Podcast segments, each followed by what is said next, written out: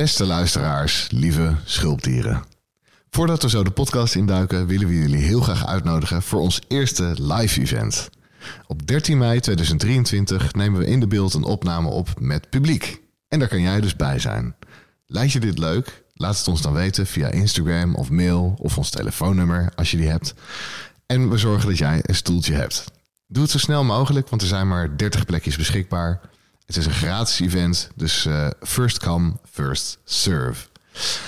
Um, de aflevering die we opnemen, de dertiende, is net wat anders dan onze gemiddelde afleveringen.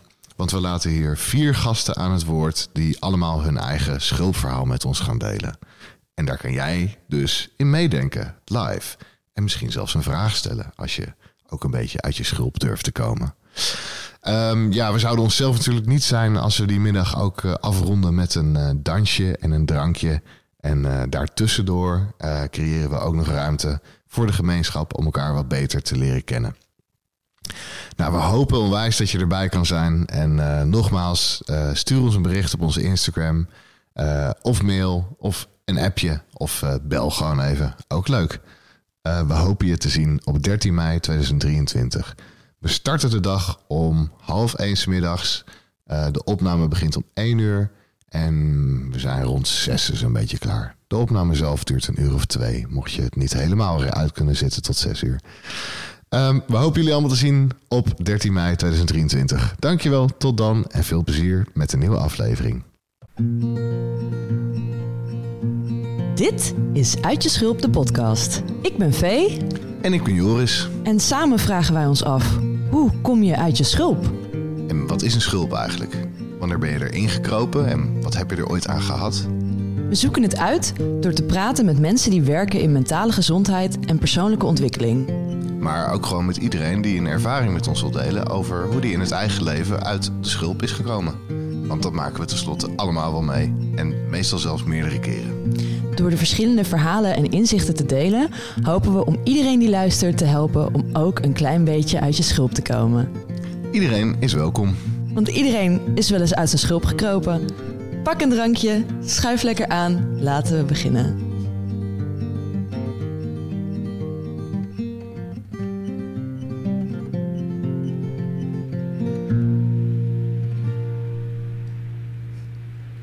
Hoi Joris. Dag Vee. en uh, welkom uh, lieve schulpdieren. Yes. um, jij luistert vandaag uh, naar mij. En mij. En wij gaan het vandaag hebben over hoe het met ons gaat. Wat er allemaal is gebeurd de laatste tijd. Sinds onze laatste Joris en V Talk Live aflevering. En uh, eens kijken wat voor uh, schulpervaringen we zijn tegengekomen en welke we misschien middenin zitten. Mm. En uh, ja, of jullie daar uh, blij mee kunnen maken met die verhalen en openbaringen daarover. Ehm, en um, V is hier gisteren weer aangekomen. daarvoor hebben we elkaar sinds de laatste opnames drie, vier maanden geleden November. Vier, vijf, vijf maanden geleden weer niet gezien. Uh, dus uh, gisteren hebben we eerst uh, een uurtje gewandeld. En dat was al uh, een non-stop woordenstroom. van beide kanten naar, naar beide andere kanten. Dus ik denk dat er genoeg, genoeg langs kan komen. Ik denk het ook. En om te beginnen, toen ik net stond te plassen, had ik misschien, misschien leuk om gewoon eens even te, te kijken of we kunnen beginnen te vertellen hoe we ons voelen nu we hier zo zitten. En uh,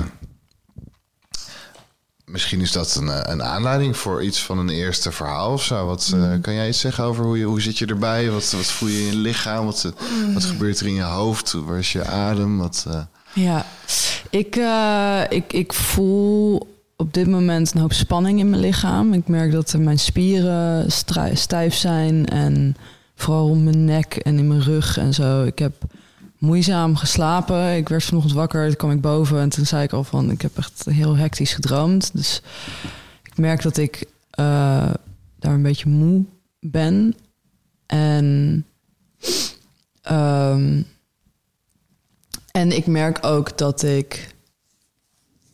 Uh, dat er meerdere lagen van mij zijn. En daar ben ik me heel bewust van. Ik heb dus de ene laag die dus hier met jou zit en uh, hiermee bezig wil zijn en ook mee bezig is. En we hadden vanochtend voordat we gingen opnemen, hebben we nog even een brainstorm sessie gehad en zo. En ik merk dat mhm. ik daar dan ook gewoon wel echt aan kan staan en daar ook mee bezig kan zijn. En tegelijkertijd dus dat ook nog een deel van mijn brein dan bezig is met uh, de toekomst ook. Van, oh ja, dit zijn de dingen die we graag willen doen en die we graag willen bewerkstelligen. En die bestaan nog niet, maar die zijn wel, daar mhm. ben je dan wel ook mee bezig. En ook een deel van mij is dan emotioneel niet aanwezig. Dus ik merk, ik, ja, ik, ik ben, ik heb op dit moment dat ik, uh, een van mijn schulpjes is dat ik uh, best wel veel gevoelens in me draag op dit moment. en die ook verwikkeld zijn met iemand anders. Dus dat is ook iets waar ik op dit moment mee bezig ben. En ik heb vanochtend dan ook weer contact met die persoon gehad. Dus dat is dus ook een stuk van je aandacht. Is een stuk van mijn aandacht. En ook dan ja, gaat toch ook weer een ander gedeelte van je, van je zijn, is daar dan ook weer mee bezig. En um, ja, en ik, ik, ik ben me erg bewust van dat die, al die verschillende lagen er op hetzelfde moment zijn.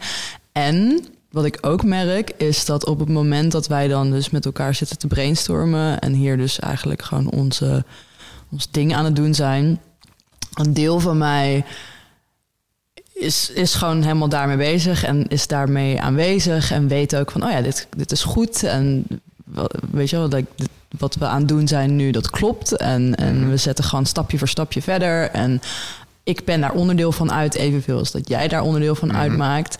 En wat wij allebei in te brengen hebben is van waarde. En, mhm. eh, en tegelijkertijd is er ook een deel van mij wat dus echt zoiets heeft van wat doe jij? wat, wat denk jij dat je aan het doen bent? Waarom doe jij alsof jij hier ook maar iets in te brengen hebt? Waarom denk jij dat wat jij aan het doen bent, zeg maar, uh, waarde heeft. Uh, je hebt helemaal geen flauw idee waar je het over hebt. Uh, you've never done this before. dus ja, wat, wat weet jij hier nou van? Waarom praat je? Bijvoorbeeld dan hebben we het over, over content of over weet je, like, plannen en dingen. En dan zeg maar, dan komen de woorden uit mijn mond. En dan denkt een deel van mij van hey, jij weet dus echt helemaal niet waar je het over hebt. Hè? Terwijl.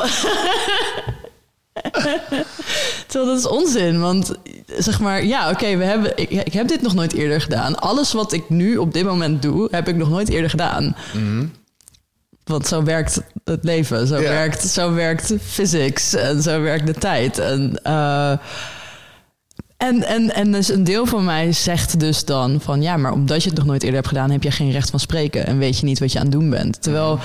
zo zo manipuleer je jezelf dus ook in om dus dingen niet te doen, mhm. merk ik. Ik merk dus dat die stem... neem je daar ook nog iets gevoelsmatig uit mee dan uit die, uit die bespreking van net? Dat je, dat je ergens voelt van, uh, ik heb het niet goed gedaan. Of wat, wat, Er, zit een soort, er zit wel een soort buikgevoel ook bij. Er zit een soort van uh, contractie zeg maar. Dus er zit wel een soort van, of ja, ik, ik, maar er zit wel een sensatie. Alleen ik merk dus dat ik op dit moment uh, ben ik me er dus heel bewust van, van dat dat er is. En omdat ik dat A, het bewust ervan ben en B, het oké vind dat het er is, zeg maar.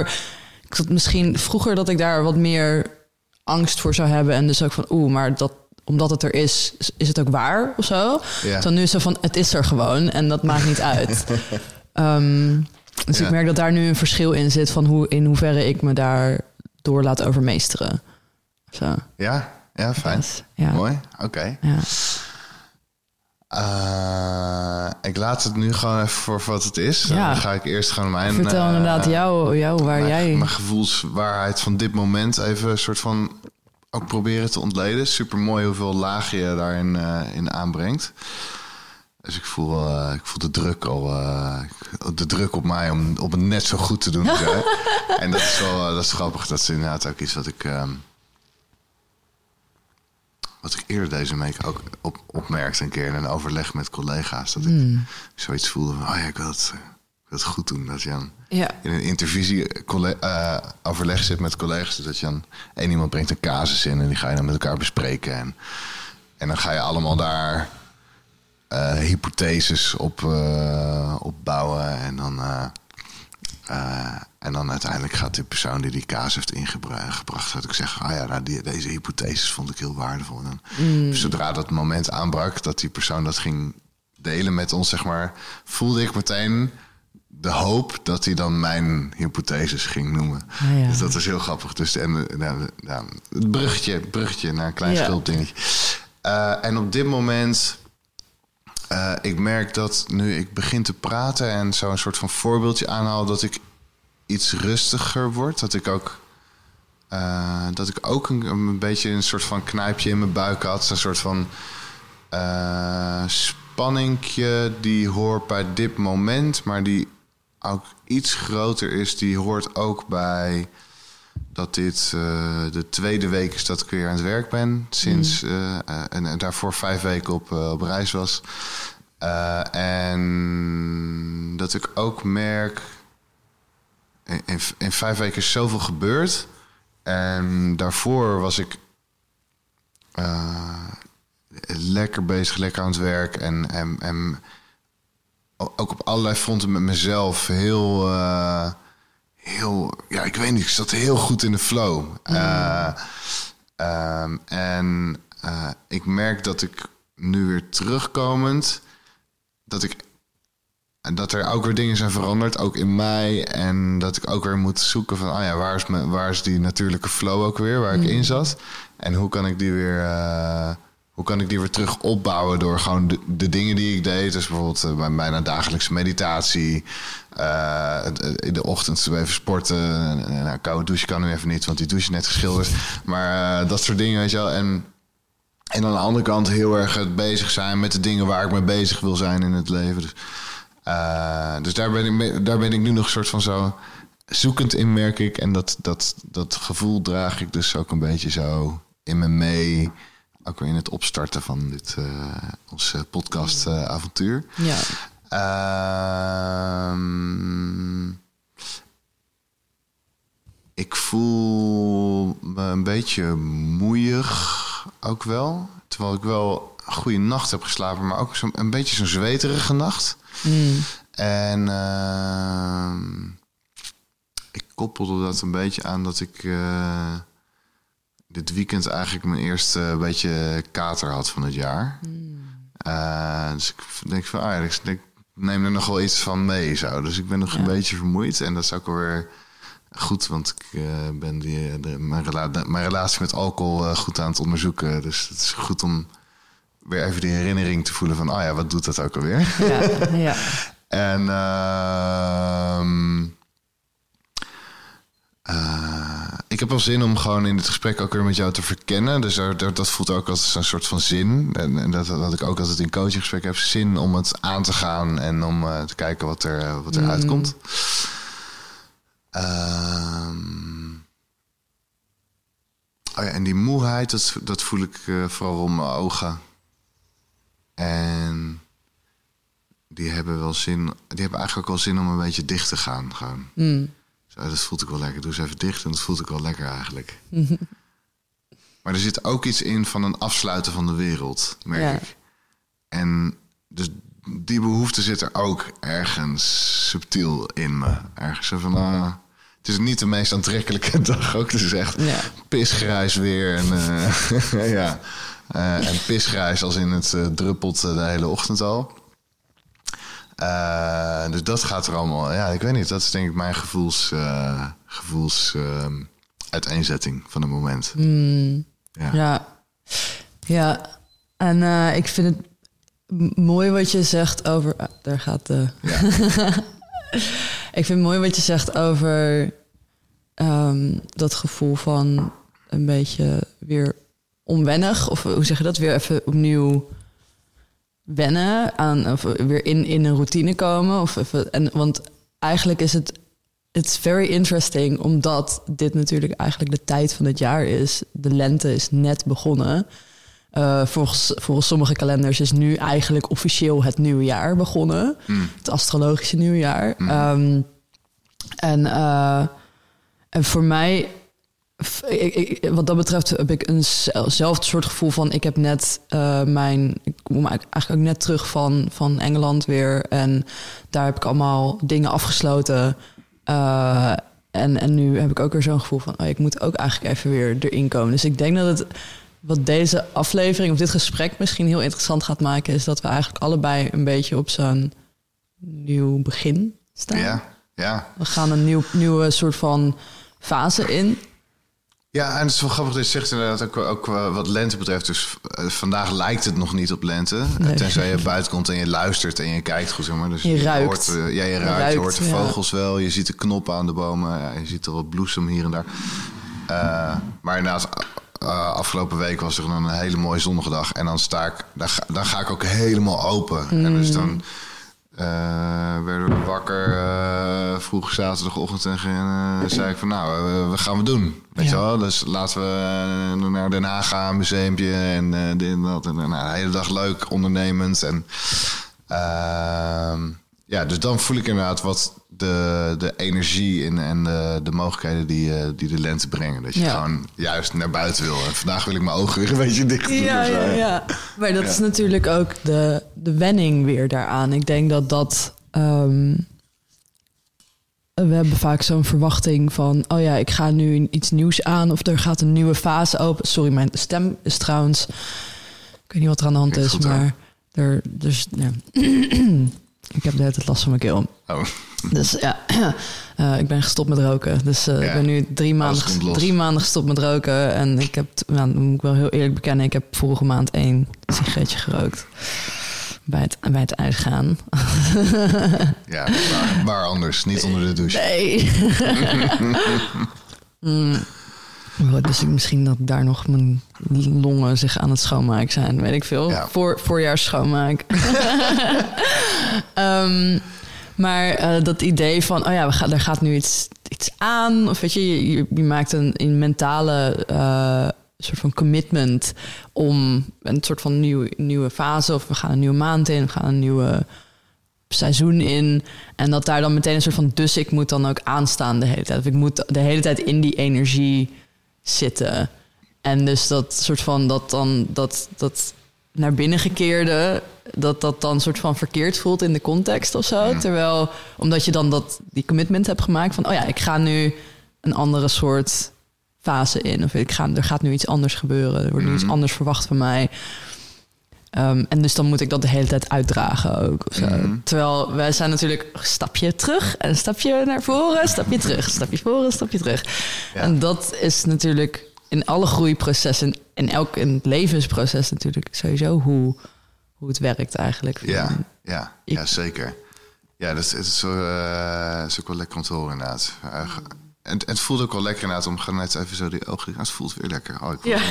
Misschien, moet je gewoon je en ogen open. dicht houden voor het hele gesprek.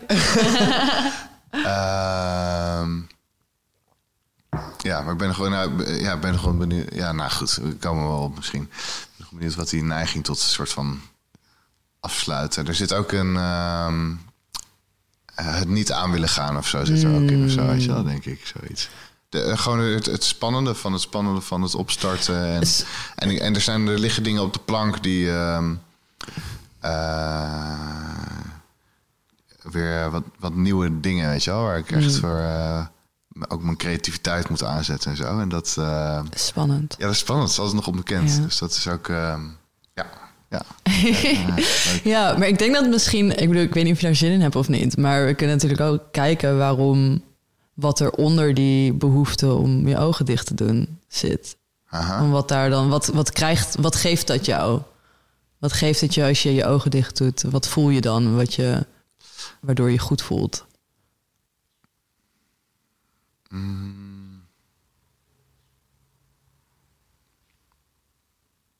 Nou, het afsluiten maakt dat ik in mijn eigen wereld, met me wat meer terugtrek in mijn eigen wereld, ehm, het visuele verdwijnt. Dus er is meer aandacht voor lichamelijke.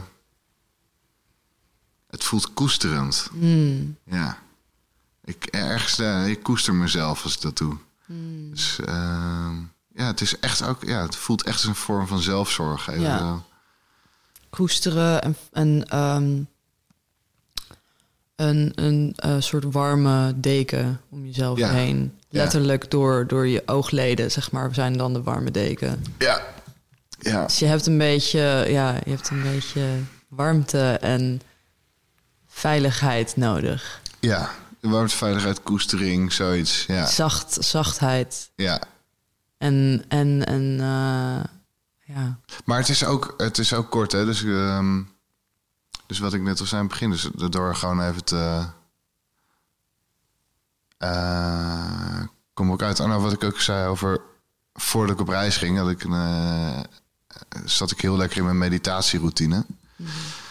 En ehm, met mediteren merk ik het heel sterk. Dat ik echt voor sessies echt dat ik voel van. pff, ik, wat, soms slaap ik erg slecht. En eh, dus daardoor ben ik soms echt heel moe. En eh, dan moet ik wel een sessie doen met iemand. En ja. eh, ik heb gemerkt dat mediteren dan echt ongelooflijk goed werkt. Dat, ik gewoon, eh, dat je dan. ehm, ja, het is heel anders dan slaap, maar je, je gunt jezelf de rust. En eh, je gunt jezelf. Eh, ja, het relativeert ook heel veel dingen die, die denk ik moemakend zijn. Dus gedachten of wat dan ook. En eh, alleen al die idee van ah, ik moet er op een bepaalde manier bij zitten om die sessie te kunnen doen. Nee, ik maak gewoon weer op een heel rustige manier contact met jezelf. En valt van alles weg en af. En dan, ja, meestal werd ik dan weer veel meer ge-energized.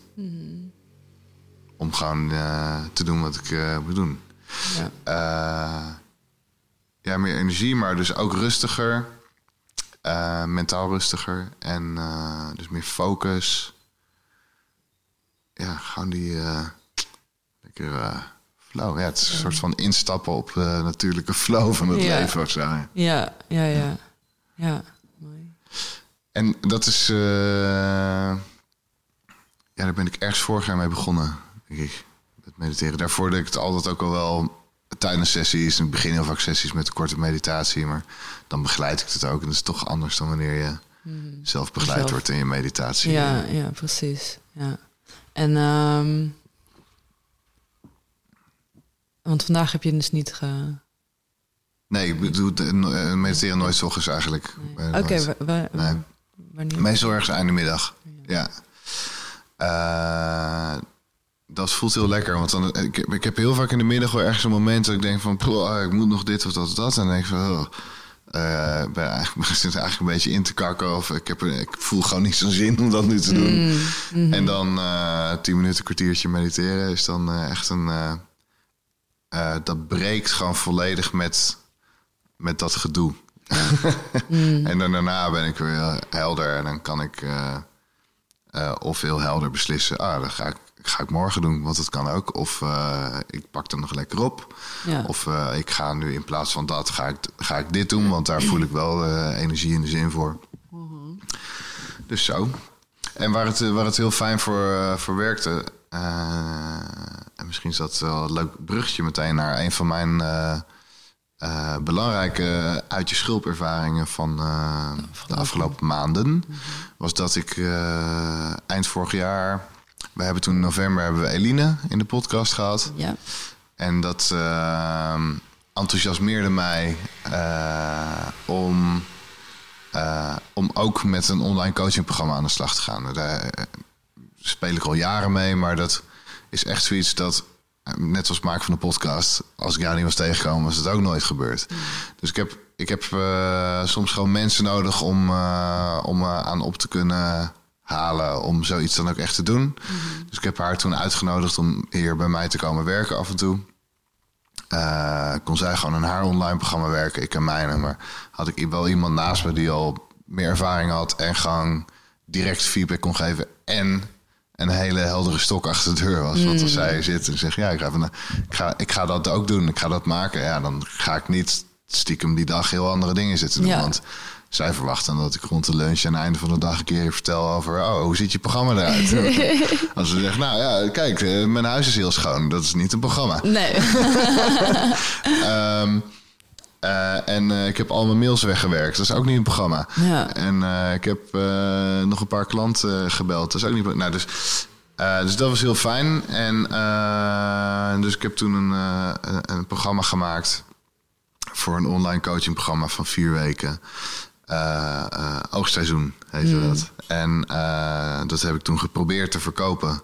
En het was allemaal super kort dag, want ik wilde daar in december mee beginnen. En nou, zij was hier in november in de aflevering. Ik had letterlijk voor mij twee weken om het programma te maken en het te verkopen en alles op te richten. En, volgens mij heb ik, behalve boerderij in Brazilië, nog nooit zo hard gewerkt in mijn leven. Dat ik echt iedere dag tot eh, laat in de avond, van vroeg 's ochtends tot laat in de avond, gewoon eh, echt helemaal bezig was om dat, om dat geregeld te krijgen, want georganiseerd. En toen verkocht het niet. Dus het was wel ehm, aan de ene kant een domper, maar ik had al vooraf ook al wel het, het, het reële besef van ja, ik heb eigenlijk eh, al jaren doe ik van alles online, ook voor mijn eigen coachingbedrijf.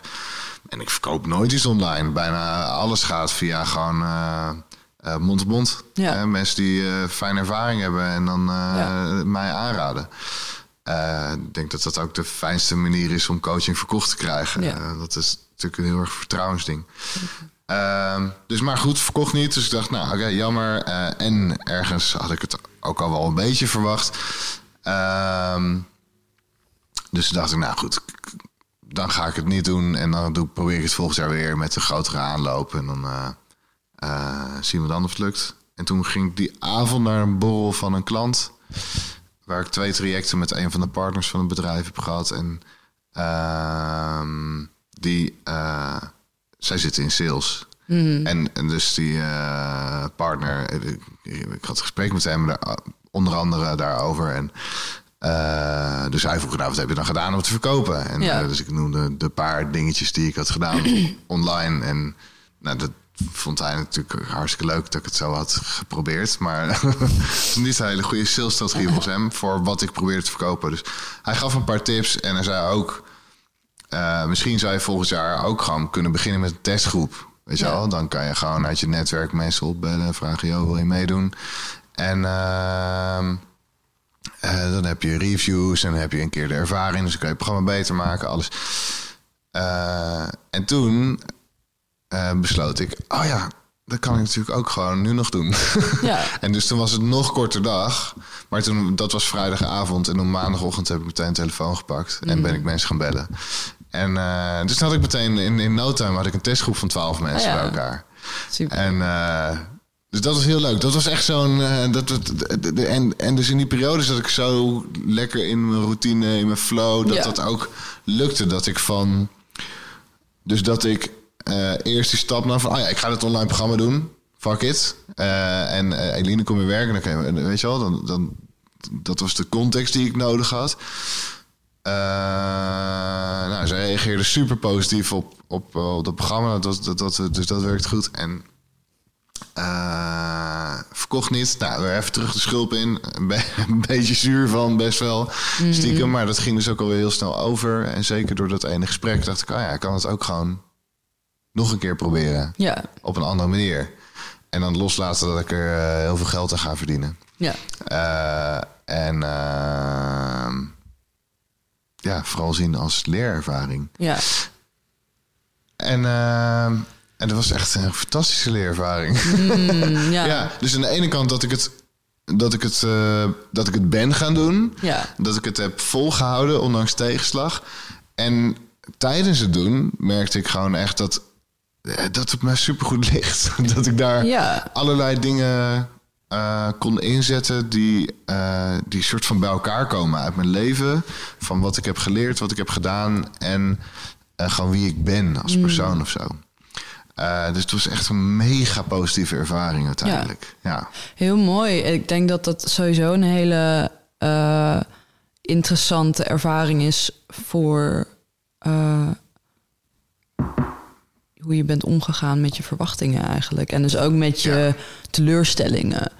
Dat is zeg maar wat ik hier uithaal. Ja. Eh, is dat jij, zeg maar, er had een situatie kunnen zijn waarin je dus dat het feit dat jij dat het niet online verkocht, eh, dat dat dan zeg maar de, de domper was geweest. En dat je daardoor in de zakken, weet je wel, dat ik met de pakken neer was gaan zitten. Van, Ja.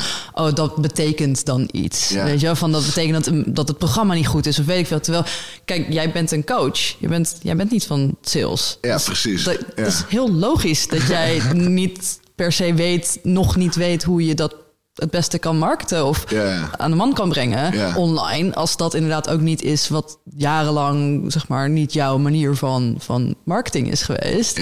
Dus heel goed dat dat dan jou niet heeft tegengehouden om dat dus ook te zien van, oh ja, wacht, het is misschien, misschien nog niet op de manier waarvan ik hoop dat ik het kan gaan doen, maar het is wel een andere manier waarop ik het kan doen. Ja. ja, ik besef me nu ook dat. ehm, dus het was op, op, op vrijdagmiddag dat ik besloot van ah, ik ga dat niet doen. Dus ik, en ik zat in de trein op weg naar die borrel van die klant. Eh, en ik had van mij dat bericht zo de wereld ingegooid. Zo van eh, ja, wegens eh daverend weinig succes gecanceld. Zoiets. En sowieso kreeg ik daar al eh, leuke, leuke reactie op. Dus dat vond ik ook tof uit, van, iemand, van mensen uit mijn netwerk. Die zeiden, ah, goed bericht is. en, ehm, maar wa- wa- wat, wat nog fijner was, was dat ik voelde me best wel even gewoon... Ja. Ja, gewoon was, ik zat in die trein. Het, eh, het huilen stond me nader dan het lachen. En ik kreeg een, eh, een persoonlijk bericht van Imme, die, ken- die ken je ook. eh, die gewoon even liep merken in een bericht dat ze met me meevoelde. En daardoor... ehm, dat hielp me, besef ik me nu, dat hielp me enorm om het ook weer heel snel los te kunnen laten. Ja. Omdat er gewoon. Er was gewoon even iemand bij me die dat meevoelde. En, eh, en ja, ik weet niet, daardoor dat, was echt een katalysator van, oh ja, fijn. Ik voelde me even gewoon gezien daarin en, en, en begrepen. Ja. En, eh, Het mocht er zijn. het mocht er gewoon het mocht er zijn. ja. Het was niet een soort falen of zo. Het was van, oh, ik ben iets aan het proberen. Ja, ja. En, ja, de manier waarop iemand anders dat voor jou kan, dat, dat gevoel met jou kan, kan houden. zeg Ja, maar. ja. En ehm, ja, dus dat was wel, besef ik me nu, nu we het erover hebben. Dat heeft, dat heeft me geholpen Oh, er, eh, mooi. En daar zie ik het eh, visser eh, groente- en fruitbusje. In me heet visser van daarachter. Eh, uit het raam staat er een, er staat een busje voor het raam. eh, Ja. Visser erop. Ja. Dus, Imma, als je luistert, we denken aan je. ja, dankjewel Imme, dankjewel. Ehm ja, dus dat was wel een hele toffe, toffe eh, schulpervaring. Redelijk compact in een paar maanden, waar heel veel gebeurde. En eh, waar ik echt op terugkijk, echt met zoveel eh, blijheid en, en trots en gaan. Ja. En ik, ik heb ook al gewoon besloten toen daarna van ja, dit ga ik volgend jaar weer doen. ja. Ehm, Het heeft je juist meer motivatie gegeven Enorm. om het nog een keer te Ja, doen... in enorm. plaats van dat je heeft afgeschrokken. ja, en ook omdat ik door dat ene gesprek met die sales guy, eh, Sebastian, ehm, weet ik, ja, heb ik nu ook al een paar ideeën hoe ik het veel beter kan gaan Ja. verkopen. Ja, dus dat is ook fijn. ja. super mooi. Ja. Ja, wat goed. En, eh, Ik ben trouwens ook heel trots op je, dat, ik dat, dat je dat weet. Oh yeah! Ehm, ja, dus dat, dat, was, dat, was een, dat was een hele, hele coole schulpervaring. Mm, ja, heel mooi. En eh, daarmee wil ik het stokje langzaamaan naar jou ook eh, over. Ik ben benieuwd, ben benieuwd naar wat, er, wat er bij jou Zoveel. aan mooie dingen zijn geopend. Zoveel. Zoveel. Joris, dit kan niet in één aflevering. Nee. Want, ah, ja, dit kan niet in de aflevering, dus dat betekent dat je, dat je keuze moet gaan maken. Ja. Nou, Eh, ik zou het liefst, eh, ik zou het liefst eh, zien en horen dat je iets met onze luisteraars deelt over hoe, het, hoe het is met de relatie, in de relatie met je moeder. Ja. Maar de keuze is aan jou. Ja. ja, ik denk misschien, zeg maar, daar wil ik het zeker wel ook over hebben. Maar ik, omdat we in deze, dit gesprek tot nu toe al over bepaalde onderwerpen, dus het omgaan met verwachtingen en ook omgaan met eh, eh, disappointment, Ja, teleurstelling. teleurstelling, dankjewel. Eh want dat, dat, dat is ook iets waar ik op dit moment ook mee kamp. Ja. Op een heel ander vlak. Dus Ja. op een meer, meer persoonlijk, emotioneel vlak. En Ja. niet zozeer op een soort van carrière business dingen. Mhm. Ehm, dus daar zou ik. Dit is de, de, de emotionele verbinding die je in het begin van het gesprek noemde met Ja. iemand op, eh, op afstand. Ja. Ja. Dus daar zouden we het over kunnen hebben. ja, zeker. Of eh. Ik wil, ik wil het in principe ook wel over mijn moeder hebben. Nee, maar ik denk dat het allebei wel past. ja. Ja. Ehm, Nou, misschien beginnen met dan met, met mijn emotionele verwachtingsverhaal. Ja. Oké. En laten we dan eerst eens even... Laten we st- starten met, met een heldere duiding van wat emotionele verwachting. Ja. Waar, waar hebben we het over? We Ik hebben het gewoon over liefde. Hè? Ja, ik ben, ik ben, ik ben eh, verliefd geworden op iemand die geen relatie met mij wil. En die geen romantische relatie met mij wil. Mhm. En dat is super kut. Eh, en aan de andere kant dus ook weer heel erg mooi. Eh, ik, ik ben ja, bijna iets, iets langer dan een jaar ben ik nu vrijgezel. Eh, Ik heb een hele, hele fijne relatie gehad. eh, en die is ook weer beëindigd. En, en ik heb eigenlijk al dat ik vanaf mijn achttiende of zo in relaties heb gezeten. Met misschien drie maanden single geweest te zijn. Van mijn achttiende tot mijn dertigste. Ehm, dus ik ben heel blij en vrolijk single geweest het afgelopen jaar. En ik was ook niet van plan om... Ik was niet op zoek naar iets of zo. En eh, toen ineens, toen... eh, it hit me around the head. Eh, het was echt een realisatie van... Zeg maar, het, was iemand, het is iemand waarmee ik ehm, een, ja, een, nieuwe, een nieuwe connectie mee heb. Eigenlijk, we kennen elkaar al best wel lang eigenlijk. Maar de, de connectie die we nu hebben is, is nieuw. Mhm. Ehm, en we waren al een poosje met elkaar in contact. Dat werd steeds closer en steeds meer, eh, ja, steeds closer. En, ehm, en ik merkte al vrij snel, en we hebben het een in een andere aflevering wel eens gehad, geloof ik, over langzame en snelle gevoelens. Ja, en ik merkte al, ja, en ik merkte al heel snel dat ik hele langzame gevoelens voor hem had. Van de- echt een, weet je, een diepe liefde die je voor iemand kan voelen. En dat is iets wat ik dus ook voor eh, mijn, ja, mijn beste vrienden voel. En eh, bijvoorbeeld nog steeds ook voor mijn ex voel. Zeg maar, Ja. Dat is gewoon echt een diepe, un unshakable love die, die gaat nergens heen. Ja. En, en, eh, en dat voelde ik dus ook bij, bij hem. En, ehm, en dat was heel, heel fijn. En zo van, oh wauw, dit is echt een nieuwe, een nieuwe connectie. En ja, een, nieuwe, een nieuw gevoel voor me. En, en een fijne nieuwe aan... eh, hoe zeg je het? Aan addition to my life en, en eh, om mijn- vriendschappen.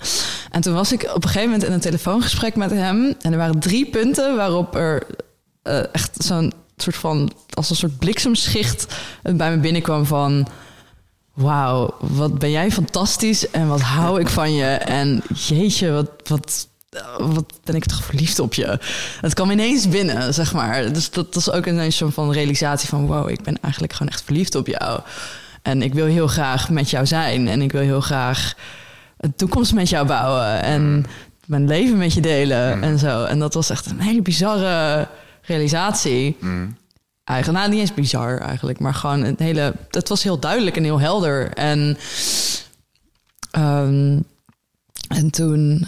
eh, en wij, we zitten dus op afstand van elkaar. Dus dat, dat gebeurde allemaal toen we dus niet fysiek bij elkaar in de buurt waren. En toen eh, heb ik hem dus wel weer fysiek dichtbij meegemaakt. En toen werd eigenlijk duidelijk vanuit zijn kant dat hij niet, niet diezelfde gevoelens voor mij heeft. Zeg maar wel dus dat hij dus die langzame, dat, dat diepe liefde en, en dat dat van beide kanten hetzelfde is. Ja. Eh, en dat hij ook heel duidelijk had aangegeven van... ik ben nu niet geïnteresseerd om met je te daten. Mhm. en dat deed heel erg veel pijn eh, natuurlijk. Omdat je toch aan de ene kant afgewezen voelt... van ik heb deze gevoelens en, ehm, en hij niet. Mhm. Die gaan niet zo ver bij hem op die manier. En dat... eh, en dan moet ik ook wel heel eerlijk bekennen... dat ik dus niet, nog niet per se ook heel... open en duidelijk naar hem heb uitgesproken dat ik dus ook echt verliefd op hem ben. Dus dat is ook misschien ja, dat heb ik nog niet gedaan. dat Ja. vond het toch een beetje te spannend of zo. En ik merk dan ook dat ik dan, aan, omdat hij dus al heeft aangegeven van dat hij, dat hij niet op, dat, op diezelfde plek is, dat als we misschien ook een soort van zelfpreservatie of zo, van ik hoop dat het dan weggaat. Maar mij. want eh, de uitnodiging was wel van... hey, ga, eh, wat, eh, wat gaan we doen met elkaar? Meer dan vriendschap, daten. Eh, en daarop kwam er een nee, maar er is nog niet... Nog niet Nee, het was niet mijn vraag. Het, in het gesprek was het eerder dat we... Want we hadden... We hadden... ehm, we hadden wel wat meer fysiekere toenadering gezocht bij elkaar, allebei. En, ehm, en daarna was het dus als een soort van evaluatie van dat, dat hij aangaf van... Ik merk dat ik dat toch echt een beetje spannend vind. Of dat ik dat Mhm. niet... Zeg maar, hij, hij gaf aan dat hij me de vriendschap op dit moment belangrijker vond. En niet op het spel wil zetten, niks op het, zeg maar, hij wil niet op het spel zetten dat hij die vriendschap verliest. En dus dat hij dat op dit moment, dus dat dit voor hem is wat hij aan kan en wat hij fijn vindt en waar hij behoefte aan heeft. Ja. En dus dat hij wel, dat hij het wel heel belangrijk en waardevol vindt om met mij te zijn. Alleen dus niet eh, als, als, als romantische partners, maar gewoon als vrienden. Mhm. Wat in principe natuurlijk een super mooi iets is om te horen van iemand die, die, eh, die jij, waar je van houdt. Dat Mhm. zij evenveel, ja, dat ze jou ook evenveel belangrijk vinden en Mhm. graag met je zijn en contact met je willen en, eh, ja, en jou graag in hun leven wil hebben. Ja, en niks willen doen om, om dat te schaden. Ja, precies. En dat, dat, dat, er zit natuurlijk al een level of commitment daarin. eh, eh, van ik wil graag dat dit. Ik, ik wil dit langer in mijn leven hebben. Ik wil jou voor een lange tijd in mijn leven hebben. En dat Mhm. vind ik belangrijk. En dat. eh, daar, daar, ja, dat wil ik graag. Ik wil Mhm. graag liever jou langer in mijn leven dan dat ik, dat ik fysiek met jou, zeg maar, een Ja, relatie dus wil opbouwen. of een, eh, een leven met jou op die manier wil opbouwen. Ja, maar voor hem was het dus meer de keuze van... ja, ik- we, we gaan geen seks hebben, want ik wil bevriend blijven. Ja. Maar dus niet de keuze van... eh, ehm, ik, ik kies niet voor mijn verliefdheid, want ik wil bevriend worden. Dus Ja. dat is een heel nog een Ja, andere... Precies. Terwijl het van jouw kant... Zeg maar, ik, ik heb, ja, voor, mij, voor mijn gevoel, zo van, ik wil, ik heb een gevoel bij hem. Ik wil graag dat uit kunnen drukken ook naar hem toe. Weet je, ik, ik ben best wel fysiek, eh eh, affection, like I'm very physically affectionate en eh, weet je, iemands hand vasthouden of weet je, even een soort van aanraking of weet je, like, dat zijn van die dingen die ehm, makkelijker gaan in een romantische relatie. En dat wil natuurlijk ook niet zeggen. Ik bedoel, ik leer nu ook dat dit soort dingen mogen er ook zijn in niet-romantische relaties. Ik bedoel, ik heb ook vrienden van me waar ik, ja, die, die ik ook gewoon, weet je wel, koester op een, op een fysieke manier, Mm. eh, zonder dat we seks hebben.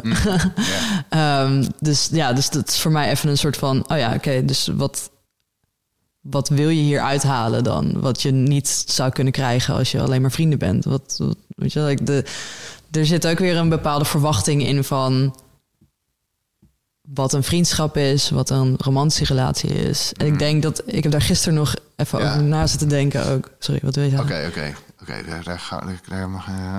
Maar ik ben e- eerst benieuwd naar... Je hebt twee keer gezegd eh, dat, je de, dat je de...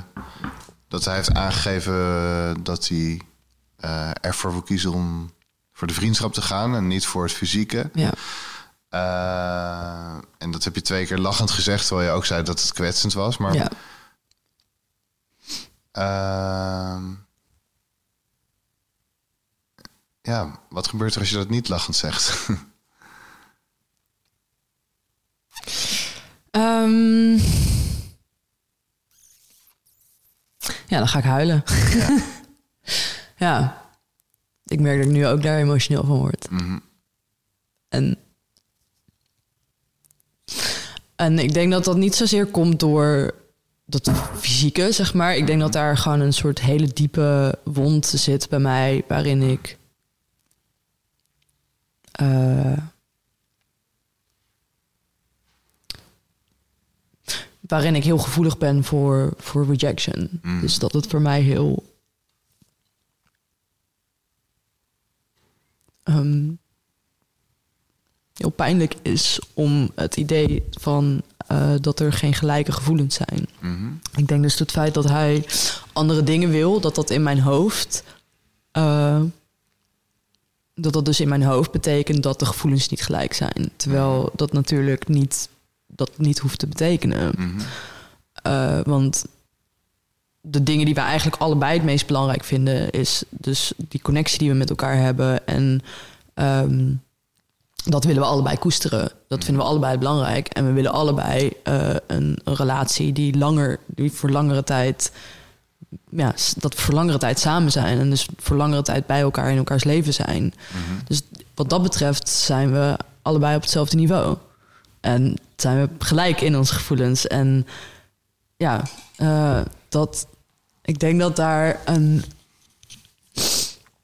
Een ehm, Waarom, is het, waarom zou het belangrijk zijn voor jou om gelijk in gevoelens te zijn? ja, dat is een hele goeie. Ik denk dat ik me heel ehm, alleen kan voelen. En dus ook in mijn gevoel heel alleen kan voelen. Neem lekker de tijd. Ja. Ehm, en wat ik dus bij hem voel, is het gevoel dat ik iemand heb gevonden waar ik echt heel erg mee dat samengevoel heb. En niet dat eenzame gevoel heb. Mm. Van, oh, dit is iemand die mij begrijpt en die, ehm,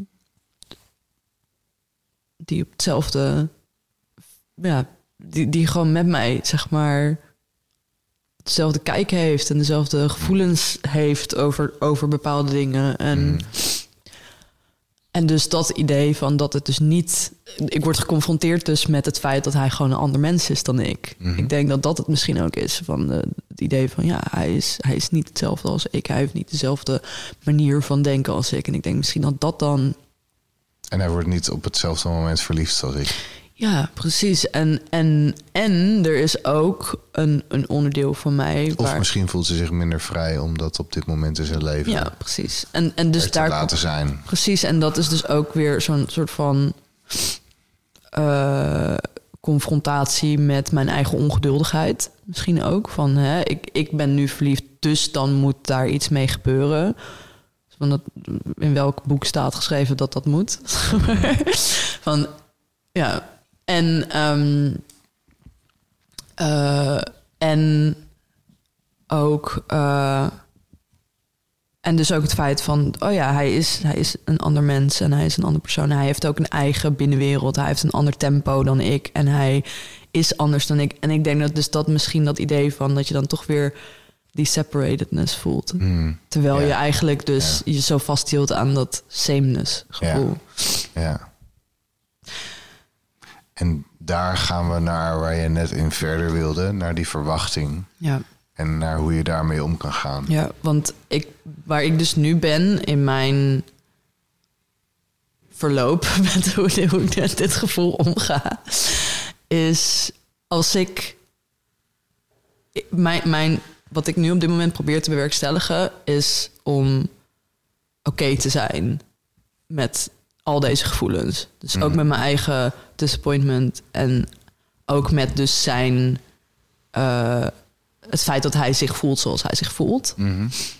En ehm, dat ik daarmee oké ben en dat ik me dus probeer gewoon te focussen op wat ik wel heb en hoe belangrijk dat, hoe belangrijk hij voor me is en Ja. hoe belangrijk dus deze relatie voor me is. En dus mijn ja, mijn, mijn, mijn, mijn verwachtingen aanpassen. In de zin van ehm, dat ik nu, zeg maar, het feit dat ik dus dan iets van hem wil. Dus dat die gevoelens ervoor zorgen dat ik iets van hem wil. En dat wat ik van hem wil is dat hij diezelfde gevoelens voor mij heeft. En dus dat op dezelfde manier uit naar mij toe. Dat ik dat dus nu los moet laten. En als ik van hem hou, zoals ik zeg dat ik van hem hou... en zoals Ja. ik voel dat ik van hem hou... dan betekent dat dus dat ik hem dat ik van hem moet blijven houden. Of niet, niet moet, maar dat, betekent, zeg maar dat betekent in dit geval van... oké, je houdt van deze jongen, dan betekent dat dus ook dat you, that you continue to love him, right? Ja. Van, en dat betekent dus ook dat je dit ook van hem accepteert. Als jij hem, als jij van hem houdt zoals hij is, dan accepteer je ook dit van hem. En dan Mhm. blijf je ook van hem houden zoals hij dus, zoals hij dus nu op dit moment is. Ja. En dat betekent dus ook dat ik in mijn omgang met hem dus die onvoorwaardelijkheid nu moet gaan uitdragen. Of moet gaan uitdragen. Ja. En, hmm, en wat doe je met het stuk dat je niet deelt met hem? Ja, want dat vind ik dus moeilijk. Want ik heb nu nog steeds dus niet eh, aan hem zo openlijk uitgesproken dat ik verliefd op hem ben. ik, hij weet, we hebben wel allebei naar elkaar uitgesproken dat we van elkaar houden. Dat weten we van elkaar. En dat... Ja, het is wel natuurlijk heel een ander ding om gewoon te zeggen van... joh, ik, ik, ik hou superveel van je. Ja, ja. En- ja want dat kan, dat kan totaal zonder eh, Ja. romantische liefde. Precies, ja. En dat, dat is ook iets waar ik, wat ik afgelopen jaar echt veel heb geleerd, is, is hoe belangrijk mijn niet-romantische relaties voor me zijn. En, en hoe diep die liefde kan zijn die je kan voelen. Weet je, ik heb eh, ja, gewoon echt een paar vrienden eh, waar ik. pff, Zo'n ontzettende. Ik word daar weer emotioneel van. maar ja, ik, heb- ik heb, ik, heb, eh, ik heb prachtige vrienden in mijn leven. Ik heb echt super mooie mensen in mijn leven. En de relatie die ik met hun heb is. Ach, zo mooi. en dat is niet romantische relaties. Dus weet je, en ik weet daarvan ook van ja, dat, gaat, dat, is, dat is zo belangrijk en diep en het is zo waardevol voor me. En ehm, nu krijgt hij dus die plek ook in mijn leven. Mhm. Dus die, die, Ja. die vriendschap en, en eh, ja, Ja. ik En- weet even niet meer wat, waar we het over hadden. Nou, nou, nee, eh, wat eh, mijn vraag was, wat doe je met dat stuk dat nog niet uitgesproken Oh ja, is? goed. Ja, dus Dat is, daar, daar zit ik dan nog wel over in, in dubio. Van spreek ik dit uit naar hem of niet? Mhm. Want hij. ver- Ten eerste, ik vind, ik vind dat ik wel. Ik vind dat ik dat wel moet doen. Ik vind dat ik wel dat aan hem moet laten weten. En misschien dan vooral op een manier van: dit is gewoon waar ik nu op dit moment ben met mijn gevoelens. Ehm, en daar, weet je, dat, dat hij daar niet per se iets mee hoeft of zo, maar meer gewoon dat hij op de hoogte is van hoe ik me voel. Want als ik boos zou zijn, dan zou ik dat ook laten weten. Ja. Ehm, ja, precies. Als ik, als, ik, als ik geïrriteerd over iets zou zijn of boos zou zijn over iets, wat ook een gevoel is, en verliefd zijn is ook een gevoel, dan zou ik dat laten weten, omdat dat, ja, dan, dan, dan zijn we allebei op dezelfde pagina en dan weten we tenminste hoe we allebei ons voelen. Ja, en wat, wat ik mooi vind om te horen is dat je. Ehm, je, je zorgt voor een. eh, niet voor, je, je gaat niet in die eh, codependent relatie door de verwachting vanuit de verliefdheid op. eh, ook van hem te gaan eisen, zeg maar. Ja. Dus je duikt je eigen verhaal in en je koppelt het aan je eigen kwetsbaarheden. En ehm, van daaruit voelt het voor mij ook als veiliger iets om te delen. Als iets wat opent. ehm, als iets wat kan verbinden. Als iets wat. eh, ja, wat heel anders klinkt dan inderdaad. eh, eh, alleen maar zeggen tegen iemand wat je voelt en dan. Want daar, daar, daar, daar is bijna een verwachting inderdaad mee gepaard. Ja. Zo, ja. Dat is een heel. Dat is, ja, dat is niet voor niets dat het een heel kwetsbaar iets is om te zeggen. Ja, ik denk dat het, nu je dat zo zegt, ik denk dat het inderdaad meer een uitnodiging is om mij beter te begrijpen. En Ja. waar ik ben op dit moment. In plaats van een, eh, een behoefte uitspreken van ik ben verliefd, dus ik wil daar iets, ik wil dat jij daar iets mee doet. Meer van dit is hoe ik me voel. Ik wil graag dat je weet hoe ik me voel, zodat jij. Ja, zodat, zodat wij daar iets mee. Ja, zodat. Niet dat we er iets mee kunnen, maar zodat zodat jij weet waar ik ben nu, mentaal en, en emotioneel. Ja. Ik ben heel benieuwd hoe, eh, hoe, hoe, wat voor ervaringen onze luisteraars hier met dit soort eh, thematiek hebben. Iedereen heeft in zijn leven hier eh, ooit ervaring mee gehad met Ja, hoe deel je dat, wanneer, hoe wordt erop gereageerd. Dus ik zou, Ja. ik zou heel benieuwd zijn naar jullie, eh naar ja jullie dat horen we inderdaad heel graag. En vooral voor andere mensen die nu in dezelfde soort situatie zitten. Kom met me praten, want dan voel ik me minder alleen. Ehm wil je nog thee? Ja, lekker, dankjewel. Ehm, Ja, en, en eh, ik merk ook hierin dat het voor mij, eh, wat ik zeg, dus dat, dat hele, dat van iemand houden, wat dat betekent, dat dat iets is waar ik echt heel erg in gegroeid ben, merk Mm. ik. Van wat betekent het om van iemand te houden? Mhm. En Mooi bruggetje naar... eh, ja, ja je, je wil daar heel graag over praten, hè? Nee, ja, ik vind, ja, ik, vind Ja, ik gewoon- ook hoor, ik ook. Ja, ik vond het gewoon heel mooi wat je me daarover hebt verteld. Ja, al, nee, al ik wil het daar eh, zeker ook over hebben. Tijdens wandelen en zo. Ja. Eh, en ik heb het idee dat daar een hele dikke link ligt. eh. Oh, bizar groot. Ja. Ja, nee, dat is, het, het, is met, het is met elkaar verbonden. Ik merk dus dat de afgelopen maanden, dus zeg maar vanaf november dat we elkaar voor het laatst hebben gezien, Ja, dat er echt, eh, nu half maart, ja, richting eind, eind, ja, maart. eind maart. ja. ja. precies half, half mid maart. mid maart. Ehm, het, het, eh, het voelt alsof ik echt een soort van drie, drie levens heb geleefd. Eh, zeg maar drie hele levens heb geleefd de afgelopen paar maanden of zo. Like, de, de intensiteit en de hoeveelheid die ik heb geleerd en de dingen die ik emotioneel heb meegemaakt. Ehm, en wat ik zeg, dus vooral wat ik daaruit geleerd heb allemaal, is zo veel. En nou goed, het is een van de dingen waar ik, waar ik dus op dit moment ook nog middenin zit. En dus ook, ehm, eh, ja, nou goed, even een soort van mini-live update. Ik ben dus eh, terug verhuisd naar Nederland. Mhm. Ehm, ik, heb in Eng- ik woon in Engeland en ik ben dus nu op dit moment weer dat ik weer in Nederland woon eh, sinds februari eigenlijk. Eind, eind januari, sinds februari. En ehm, de eerste paar maanden van dat ik in Nederland zou zijn, eh, ik ben bij mijn moeder terug ingetrokken. Die heeft namelijk gewoon een huisje waar ik eh, altijd, altijd terecht kan. Ja. Eh, en en dus dat is van, nou, ga ik even tijdelijk. Dus vind, alleen dit al vind ik, een, vind ik in- interessant. Je lijkt dat te zeggen zonder enige vorm van schaamte of, of wat dan ook. Nee. En eh, ik, ik, ik zou, als ik dat moest zeggen hier, dan zou ik denken, oh ja, ik ben even terug ingetrokken bij mijn ouders. Dan zou er altijd iets, iets zijn van, oh, ik doe het niet goed. dus hoe, hoe is dat hele kleine stukje voor jou? Ja, dat is voor mij echt. eh, ik, ik, ik denk dat je. Je hebt mensen in je leven zodat je ge- vastgehouden kan worden. Ja, En vooral ouders eh, zijn er voor om je vast te houden. Ehm, en en eh, ja, ik heb, ik heb zo'n soort relatie misschien dan ook met mijn moeder, waarin ehm, zij mij op die manier vast kan houden. Waarin, Ja. waarin het niet voelt voor mij als een soort falen of zo. Mijn moeder die is heel supportive over mij. Die, die ziet ook eigenlijk mij... Ja, die, die, ik kan niks verkeerd doen.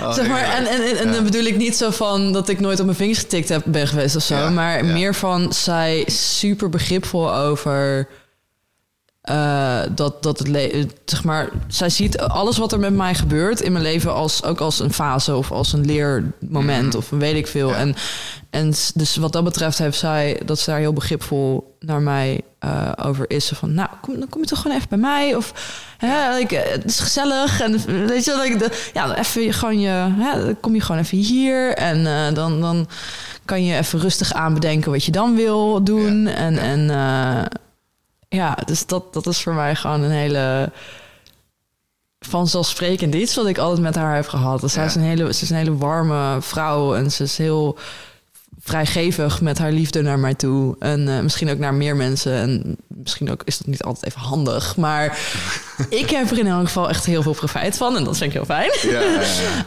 Ehm, maar mijn, mijn relatie met mijn moeder is dus eh, is, ehm, niet altijd even.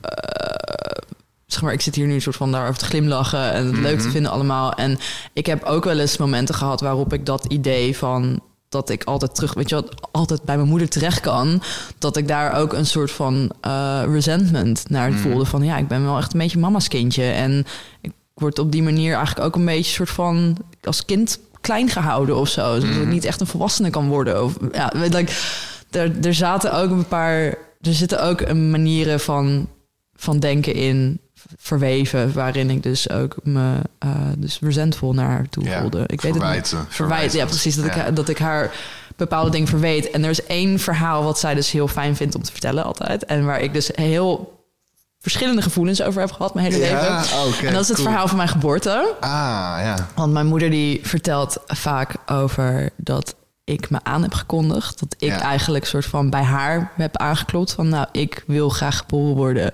Dat er overal toen ze, voordat ze zwanger was van mij, dat ze overal tekens zag van het kind dat ze zou gaan krijgen. En dat ze dus eigenlijk zei van ja, er is iets wat door mij de wereld in wil komen. En uh, dat ze dat ook tegen mijn vader zei van ja, er wil een baby geboren worden. En dan mijn vader zei van, ja, tuurlijk. Uh, jij, jij, wil gewoon weer een baby. nou ja, goed. Laten we, laten we testen. Uh, we gaan vanavond uh, vrij met elkaar en dan daarna niet meer. Mm En dan kijken we of er een baby geboren wordt. En nou, dus mijn vader zei van, oh, oh, oh oké, okay, nou is goed. die is heel sceptisch. En, ja. en, en en uh, negen maanden later werd ik geboren. Ja.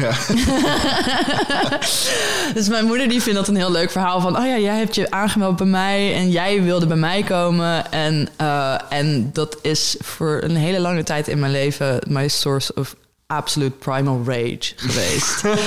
dat ik daar gewoon echt tenenkrommend gewoon... Ik kon het niet aanhoren. Ik werd ook boos vaak op haar als dat zei van... ik wou helemaal niet geboren worden. Ik ben ik wil helemaal niet eens bestaan. Jij, jij wou gewoon een kind. En eh, dat zit je nu op mij af te schuiven dat ik hier ben. Like, ik wil hier helemaal niet eens zijn.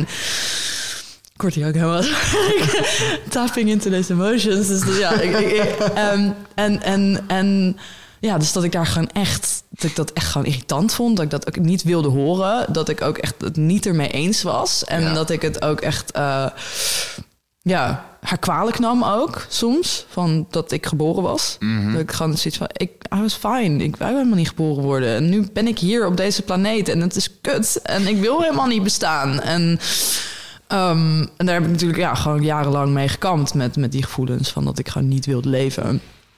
En, um, en nou goed, dus ik, ik ben terug verhuisd naar Nederland. Uh, de eerste twee maanden, of de eerste drie maanden dat ik daar zou zijn, zou mijn moeder op vakantie zijn. Mm -hmm. en zij is halverwege de tweede maand, uh, heeft zij zichzelf uh, bezeerd. Mm -hmm. en ze heeft dat ze extreme pijn ervaart. Mm -hmm. zo erg dus dat ze niet kon slapen. Het is een zenuw, zenuwpijn mhm. waar ze heel erg last van heeft. En ze is dus ook naar huis gekomen eerder. Um, omdat ze gewoon ja, je kan moeilijk vakantie hebben als je gewoon echt helemaal niks kan. Dus ze kon haar arm niet gebruiken, uh, ze kon niet slapen. Uh, weet je, ze was daar helemaal in, in een omgeving die niet familiar was. En, en zonder de mensen om zich heen die, waar ze van houdt en zo. Ja. Zij is eerder teruggekomen. En um, ik zorg dus nu een beetje voor dus, maar ik ben niet haar verzorger of zo. Het is mhm. meer gewoon dat ik met haar... Um, ja, bent er voor ik ben, Ik ben haar. Ik ben er met haar. Ik ben in haar huisje met haar. En, uh, en ja, ze, ze kan dus, weet je, ze kan bepaalde dingen niet zelf. Ze kan haar arm niet zo goed gebruiken. Ze heeft dus dat ze moeite heeft met slapen en zo. Dus dus gewoon dat er heel veel aandacht naar haar toe moet gaan. En mijn moeder is iemand die haar hele leven altijd voor andere mensen heeft gezorgd. Ze is ook mm. arts geweest voor haar hele leven. Ze komt uit een gezin van, van tien kinderen. Dus ze was de oudste. Dus ze heeft altijd voor andere mensen gezorgd. Mm. En nu is dus de arm die bezeerd is, is haar doearm. Mm Dus ze kan nu helemaal niks meer voor zichzelf doen. En wij zijn dus nu eigenlijk een beetje tot de conclusie gekomen dat dat misschien ook een spiritueel ding is. Mhm. Dus dat het feit dat zij nu verzorgd moet worden, mm dat dat dus haar les is. Van dat ze dat, dat het mag, dat het kan. En nog eens verzorgd door door mij, door haar kind. Precies. En als je dus een jaar geleden tegen mij had gezegd van... ja, je gaat je moeder moeten verzorgen... Ten eerste dus dat dat woord moeten van je gaat je moeder verzorgen. Mm dan had ik waarschijnlijk echt een soort van... Oeh, oh, dat kan ik niet. Of dat, daar zie ik tegenop en dat vind ik moeilijk. En, en dus waar ik nu op dit moment zit, dus met mijn... alles wat ik nu aan het leren ben over liefde en over onvoorwaardelijkheid... en Uh, ik begin weer emotioneel te worden. Is uh, wat ik dus nu geleerd heb, is dat ik echt superveel van mijn moeder hou. Oh. En dat ik, ik, ik, ik vind het fijn dat ik dit voor haar kan doen. Ja. Ik vind het heel kut dat ze heel veel pijn heeft. Maar Ja. het feit dat ik dus nu aan haar kan laten zien hoeveel ik van haar hou. Mhm. En, en haar gewoon vast kan houden en met haar kan zijn. Dat is zo mooi.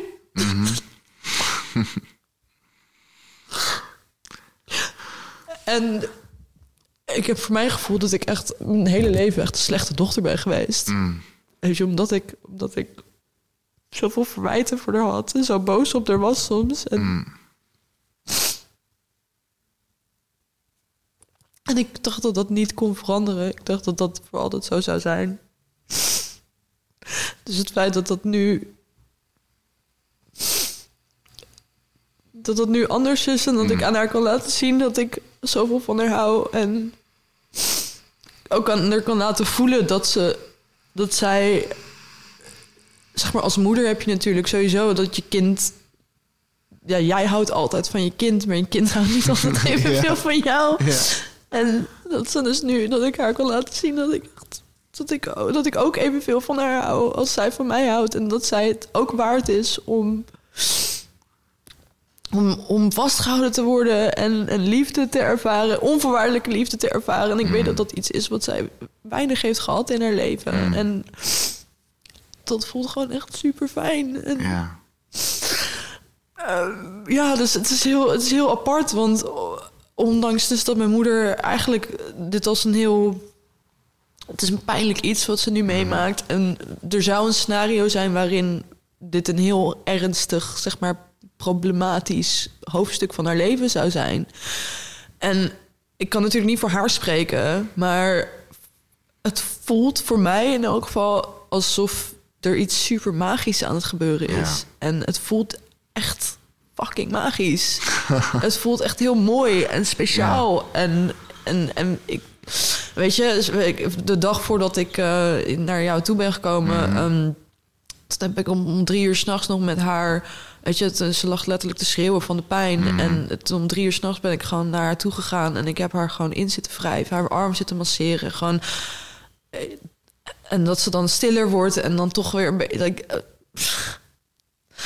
dat ik dat met haar kan, kan doen en met haar daar kan zijn. En ik merk dat er dus allemaal problemen zijn die wij natuurlijk hebben ervaren, allebei als mens. Die niet Ja. alleen, weet je, je neemt ook bepaalde issues over van je ouders. Je hebt, we hebben het hier over gehad. eh, Ik noem dat zeg maar dat je dus als een generatie, als een bloedlijn, je hebt een curse. But every single person has the cure for the curse. En het is sommige mensen die gaan, die, die, die leven dat uit en die breken de curse. En sommige mensen die, die they don't. Omdat ze Ja. gewoon niet erbij kunnen met hun hoofd. Ja. En ik had het gevoel van, ik, ik ben de cursebreaker van mijn, van mijn bloedlijn.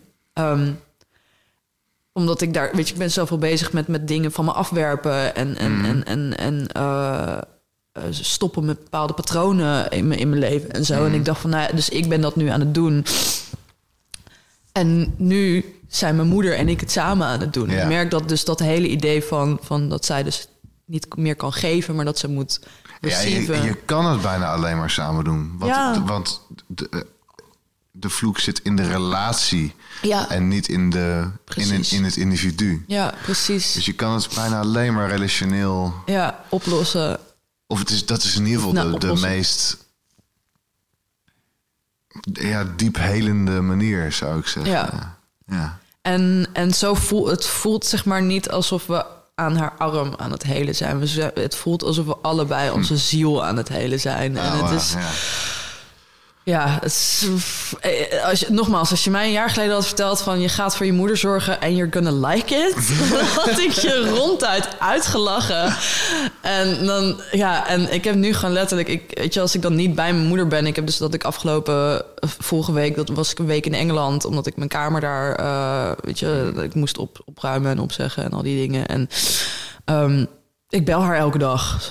Eh, ik wil haar gewoon elke dag even spreken en gewoon even bij haar inchecken. En ook als ik dan hier ben, weet je, ik heb sinds ik dus terug ben, ben ik dat heb ik dus dat ik haar een boek voorlees, dat we samen dus een boek lezen, een soort van spiritueel boek. En iets wat dus ons ook weer dichter bij elkaar brengt. En dat ritueeltje wat we dan hebben van oké, we gaan, gaan lezen. Van, ik merk dat ik dat dan nu ook miste. Van nee, ik wil, eigenlijk gewoon lekker met mijn moeder op de bank. en dat ik haar voor kan lezen en dat we het Ja. daarover kunnen hebben. En ja, dus ja, het is. eh, ik merk dat ondanks dus dat dit objectief misschien een hele uitdagende situatie is, dat ik intens gelukkig ben. Ja. En super mooi is echt fantastisch. Ehm, hoe, hoe, hoe is dat? Kan, kan je, kan je terug naar hoe is dat begonnen te veranderen? Dat je, dat je van de verwijtende dochter naar de, de dochter die, die er toch ineens voor haar kon zijn. Kwam dat door, haar- door haar eh, eh, handicap nu, door, eh, door haar pijn? Of was, het, was er al. Wat, wat, opbouw. wat is de hele aanloop? opbouw, Wat- ja. ja. Ja, en die, die aanloop, die opbouw, dat gaat echt over.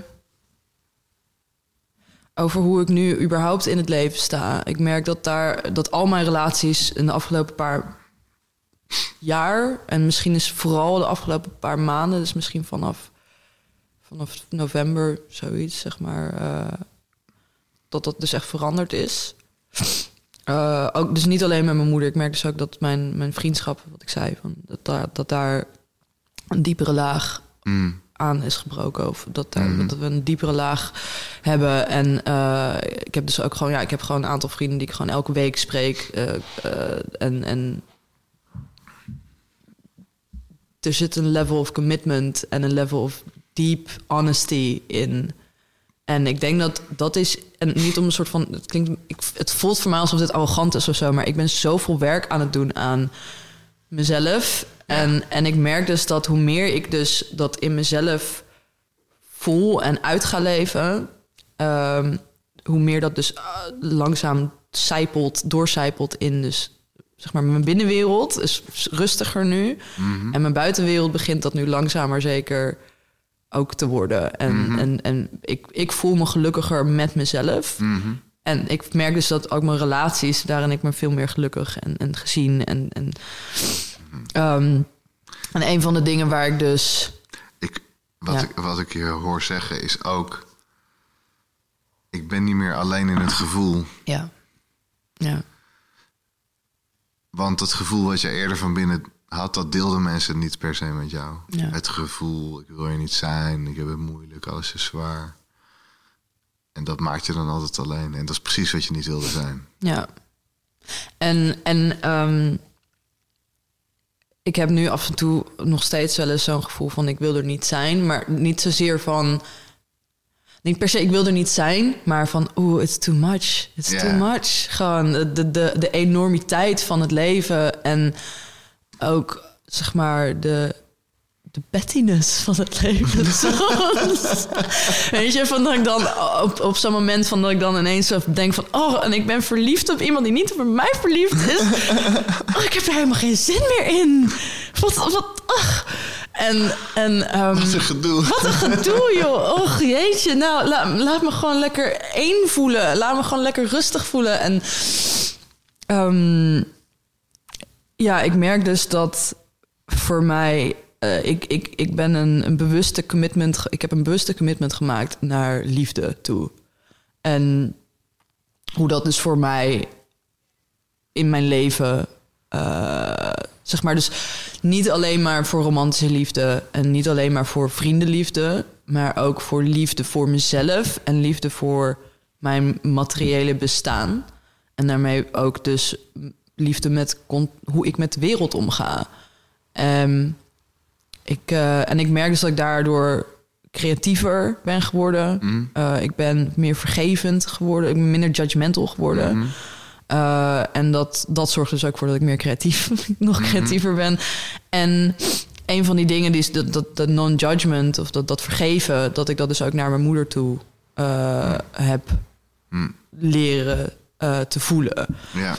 stapje voor stapje ehm, dat ik dat dus voor mijn moeder heb leren voelen. Ja. Want zij, dat ik zie dat ik alle dingen zie die zij niet heeft gekregen in haar leven. Ja. En dat ik dus ook, dus alle dingen die zij doet, die mij soms irriteren, dat ik daarin alles ook zie van zij, dat dit een, weet je wel, dat ik, she's just trying to get those things that she never got. Ja. En misschien niet altijd op de handigste manier. Mm. Um, en hoe kan ik dan haar laten zien van dat die dingen er zijn in haar leven? Mm. Hoe kan ik dat dan aan haar laten zien?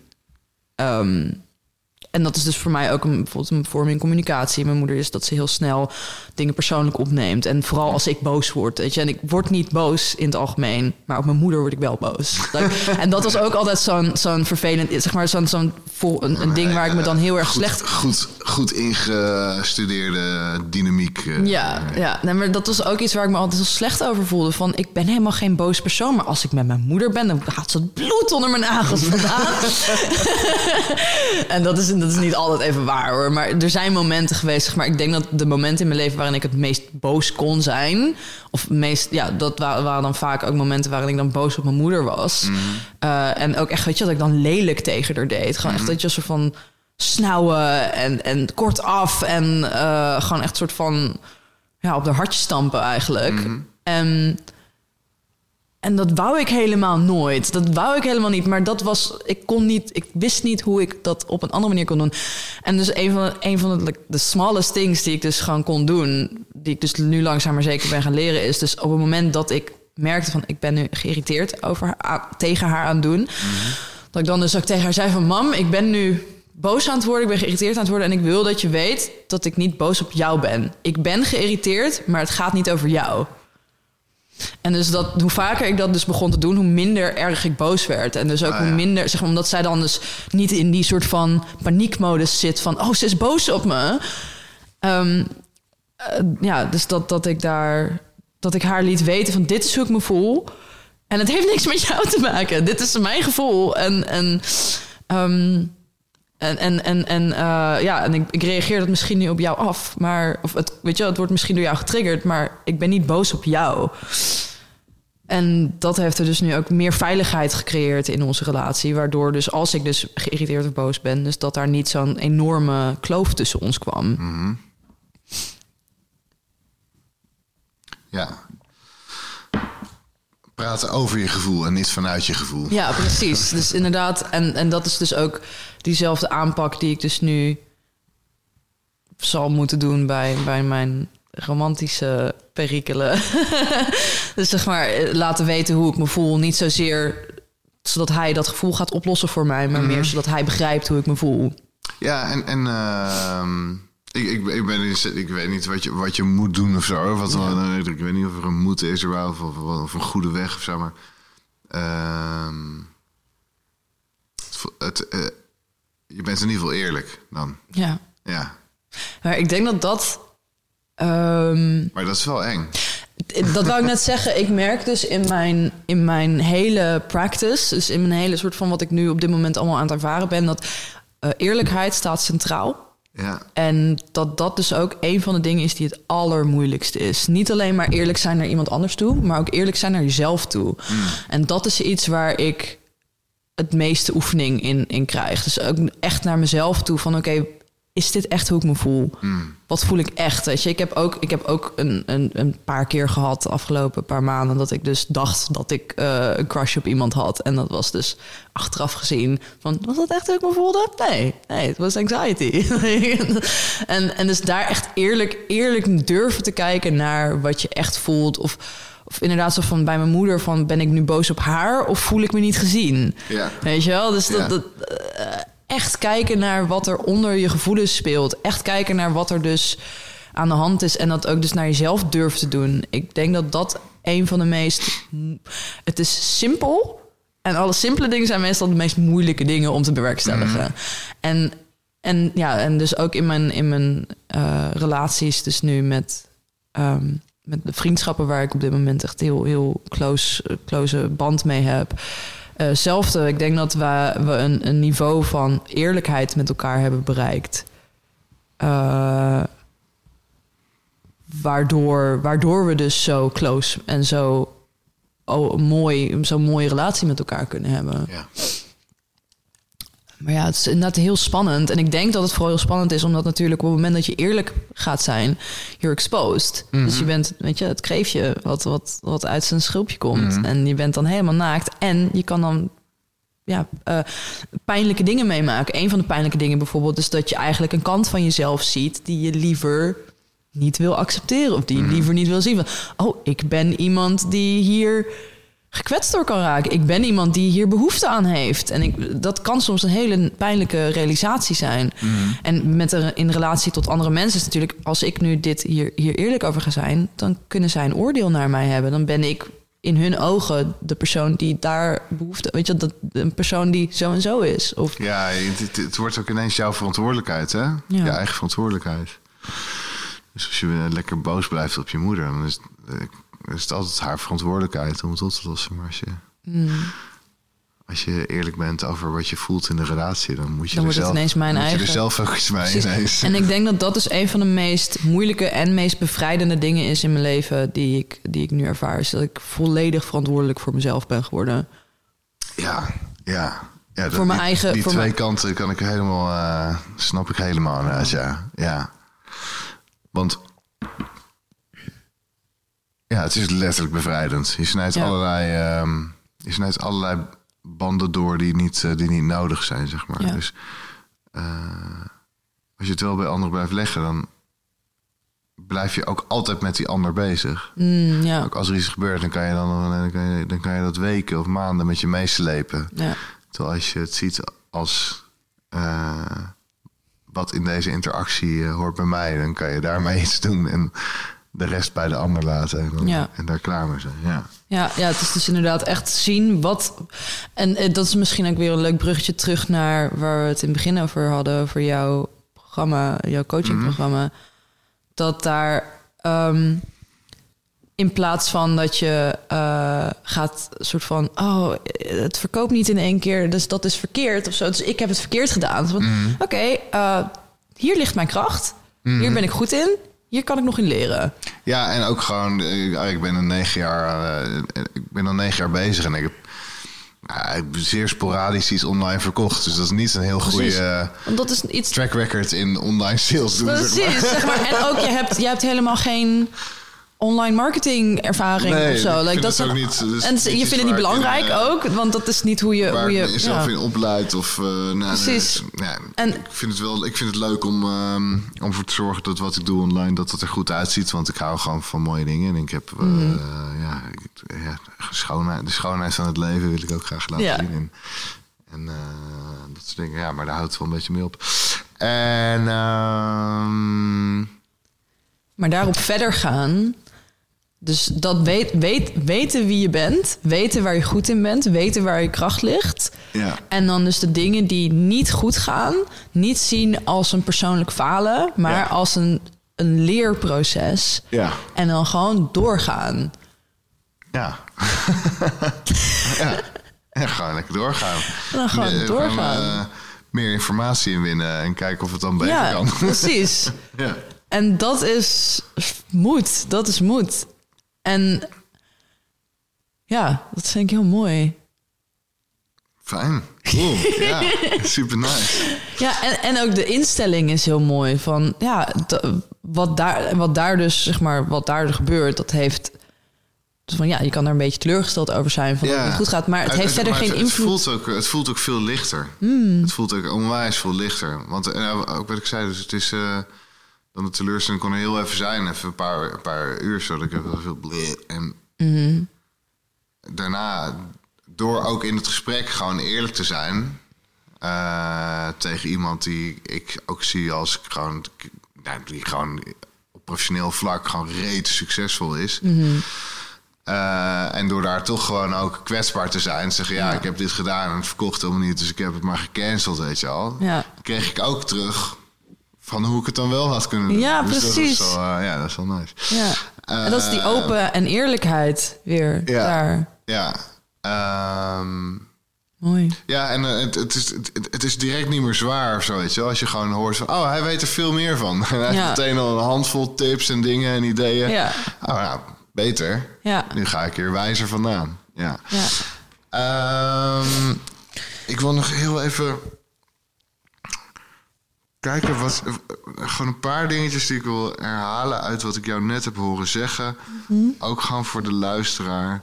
Ja. Wat ik je heb horen zeggen is van dat je ging van verwijtend naar vergevend.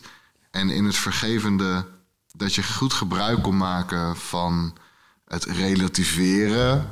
Ehm, en dat je kon relativeren ook door aan jezelf te hebben gewerkt en eh, weten wat het is om als mens iets nodig te hebben en daar op onhandige manieren mee om te gaan, bijvoorbeeld. Ja.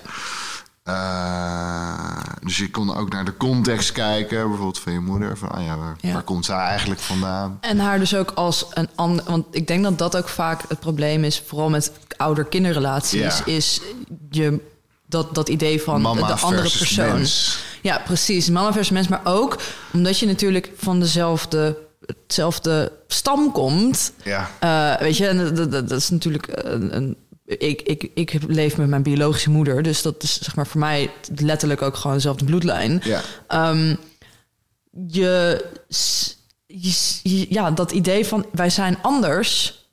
Dus wat ik wil is niet hetzelfde als wat jij wil. En dus ook weer dat ding waar ik dan geconfronteerd mee word in, die, in het romantische ding. Van ja, ik ben alleen. ik, ben, ik ben Vee en ik ben de enige die deze unit zeg maar zo is. En Ja. dus zelfs mijn eigen moeder is anders dan ik. Dat dat ook een acceptatie was waar ik dus echt zo van... ja, she is different. Ze is iemand anders. Ze wil niet dezelfde dingen als ik. Ze kan Ja. ook niet dezelfde dingen als ik. Ze heeft niet de behoeftes, weet je. Ze heeft niet dezelfde eh, jeugd gehad als ik. Like, ze is anders. ja. En dat Ja. moet ik ook gewoon kunnen accepteren. Ja. En dat is vaak extra moeilijk als het om je familie gaat. En ehm, dat, dat, dat is dus dat vergeven, denk ik. Mm. Is dus het, het accepteren dat ze anders is dan ik. Misschien. ja. ja. en dat dat oké mag zijn. ja. ja. En dan toch nog verbonden kunnen voelen. En ehm, het haakje waar je mee begon was het verhaal over je geboorte. ja. Hoe, hoe, hoe zie je dat nu? Oh. Ja. Heb je daar nog wat te vergeven? Nee, nee, nee, nee, nee. Ik zie dat nu. Ik, ik, ik, ik, ik kan het nu zien en horen. En ik denk, ik, ja, het voelt voor mij wel misschien als, als een waarheid nu. Mhm. Misschien ben ik inderdaad bij haar aankomen kloppen. Maar ehm, voor mij, wat zeg maar, ik wil niet. Het voelt voor mij niet waar dat ik de enige was die bij haar aan is gekomen. Ik denk zeker ook dat zij me uit heeft genodigd. Ik denk niet dat het alleen maar dat ik bij haar ben aangeklopt, eh, ben aankomen Ja. kloppen en dat ik zeg maar met mezelf op aarde maakbaar wilde, weet je, dat ik gemanifesteerd wilde worden door haar. Ik denk dat er zeker een, een relatie is die we allebei wilden. Ik denk dat er zeker een, een, een reden is dat zij, zij wilde mij, ik wilde haar. Ja. Ja. Ik denk dat dat, Ja. dat, dat daar, ja, zo zie ik dat nu wel meer. Mooi. En ik vind het nu op Dat zich is wel echt een prachtige toevoeging aan het verhaal. Ja, toch? Ja. Ja. Ik, eh, ik, ik vind het een heel mooi punt om, eh, om op af te ronden, eerlijk gezegd. Ja. Ja. Oké. En ehm, heel erg bedankt Ja, voor, bedankt. jullie, eh, voor jullie aandacht en jij voor je openheid, Vee. Echt, eh, ja, heel inspirerend. Heel Prachtig, prachtig wat je, wat je allemaal aan het doen bent, wat je aan het meemaken bent. En hoe mooi je erover kan vertellen. Dat is gewoon echt, eh, ja, heel, heel fijn. Ja. Ehm, ja, jij ook bedankt voor je openheid en eerlijkheid. En ook, ik bedoel, dit is natuurlijk... eh, jij houdt ook de ruimte vast waarin ik dit kan delen met jou. En met- dus ook met onze luisteraars uiteindelijk. Want Mhm. ja, dat is ook gewoon best wel een, groot, een grote verantwoordelijkheid. Dus dat wil ik ook wel even dat dat gezegd is. Dat ik daar... eh, Ik waardeer heel erg hoe veilig jij dit voor mij maakt. En oh, dankjewel. dat je dit faciliteert en ook Ja, ja, vast kan houden, zeg maar. ja, cool. Ja. Ehm, met deze liefdevolle woorden Sluiten we af. sluit ik met een warm gevoel eh, af. En ehm, verwijzen we jullie zoals altijd naar onze Instagram en Spotify. Eh, volg die dingen, druk op die knopjes. Dan weet je altijd wanneer er een aflevering komt. Of wanneer er evenementen aankomen waar we ook mee bezig zijn. En eh, tot de volgende keer. Ja, heel erg bedankt.